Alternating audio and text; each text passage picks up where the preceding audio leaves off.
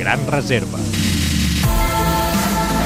Avui fa 10 anys que Messi va marcar el seu primer gol oficial com a jugador del primer equip del Barça. Deco cap endavant per Messi. Cop de cap de Messi, pressionat per Gaspar. Posa el peu Gaspar, Messi al seu costat, deixa Messi la pilota pel Gaucho. El Gaucho a Messi, Messi pica amb la peu esquerra i gol, gol, gol, gol, gol, gol. L'argentí de 17 anys va substituir a Ton al minut 86 en un partit contra l'Albacete al Camp Nou que va acabar amb victòria del Barça per 2 a 0. L'àrbitre Velasco Carballo li va anul·lar el primer gol per fora de joc, però Messi va tenir temps de fer-ne un altre al minut 91, que van donar per bo.